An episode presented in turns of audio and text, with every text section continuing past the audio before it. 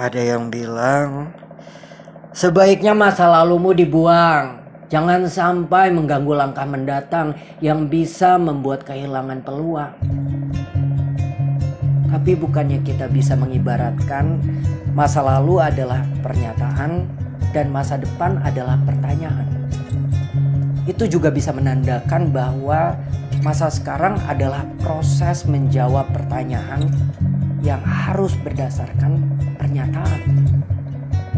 Karena tidak bisa dipungkiri, masa lalu adalah fakta. Masa sekarang adalah realita dan masa depan adalah rangkaian cita-cita.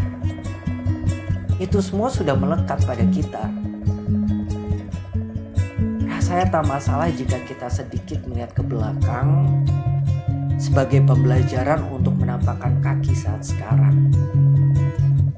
menuju masa depan agar kita bisa mengambil ancang-ancang sehingga tidak mengulang kesalahan yang bisa membuat kita hancur sampai ke.